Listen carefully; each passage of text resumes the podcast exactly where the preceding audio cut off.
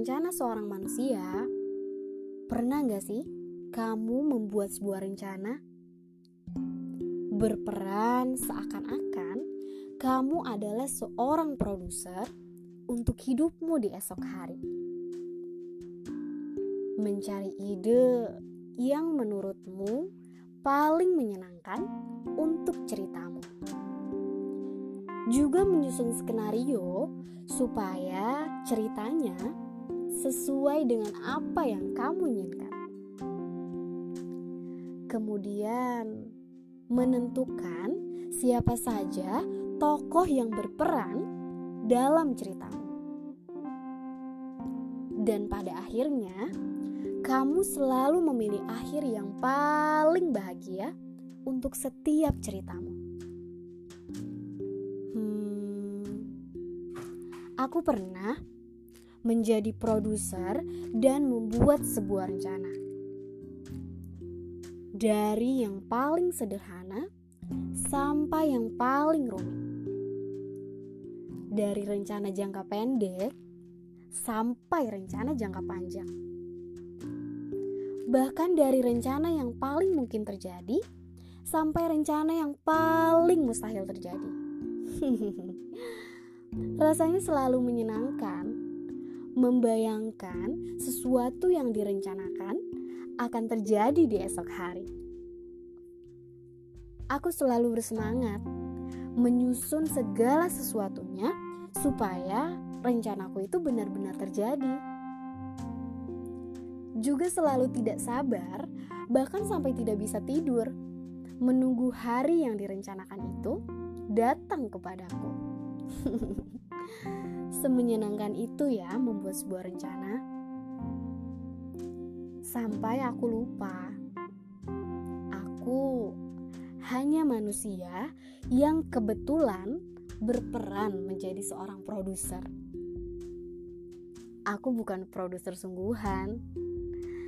Sebetulnya, aku hanya tokoh dari salah satu skenario Tuhan. Iya, produser sesungguhnya itu adalah Tuhan.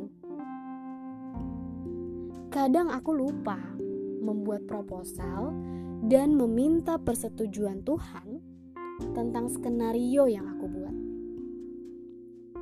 Jadinya, ketika Tuhan mengedit naskah ceritaku, memotong beberapa adegan, bahkan mengganti tokoh yang ada di dalam ceritaku,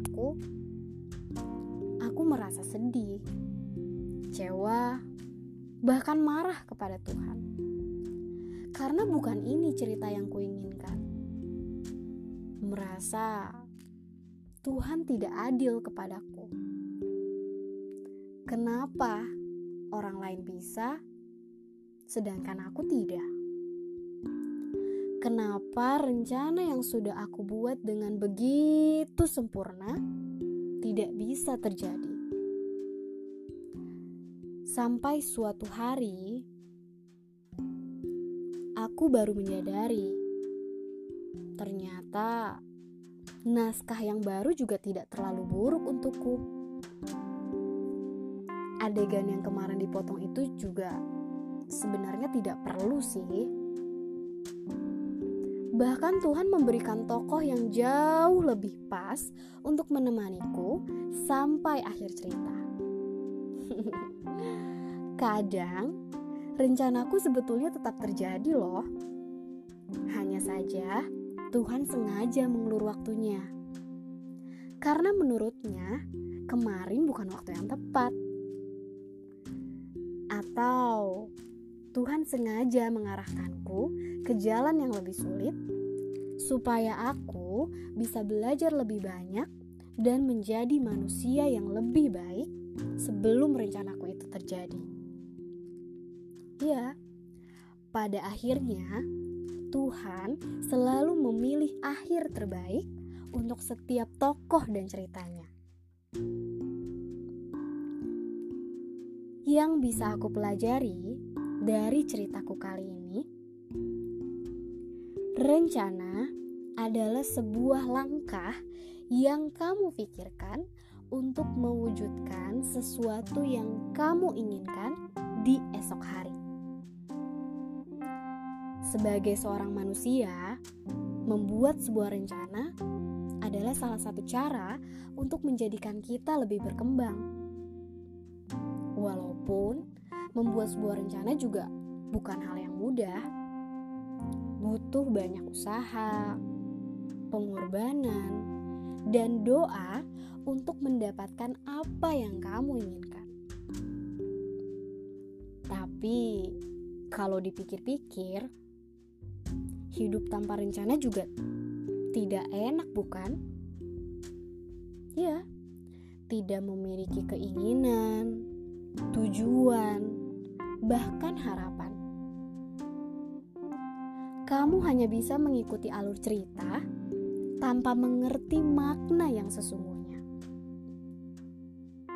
Jadi, jangan pernah takut untuk berencana. Tulislah rencanamu dengan yakin, supaya siapa pun yang melihat bisa membaca dan mendoakannya. Juga, jangan lupa untuk membuat proposal dan meminta persetujuan Tuhan tentang skenario yang kamu buat. Libatkanlah Tuhan di dalamnya. Karena bagaimanapun juga, Tuhan punya tanggung jawab atas cerita hidupmu. Tuhan punya kontrak kerja denganmu, juga dengan siapa saja yang bertemu denganmu. Jadi, jika kamu ingin merencana mau terjadi, diskusikanlah dengan Tuhan. Siapa tahu Tuhan setuju. Atau jika kamu ingin selamanya bersama dengan seseorang yang ada sekarang, diskusikan juga dengan Tuhan. Siapa tahu kontraknya diperpanjang. Tapi jika Tuhan tidak setuju dengan proposalmu, tetap dengan skenario dan kontrak kerjanya, percayalah, Tuhan sedang menyiapkan cerita terbaik untukmu. Karena sesungguhnya Tuhanlah yang paling tahu apa yang sebenarnya membuatmu bahagia. Jadi tidak apa-apa sesekali tersandung bahkan terpleset dari rencanamu. Karena sebetulnya kita adalah manusia. thank you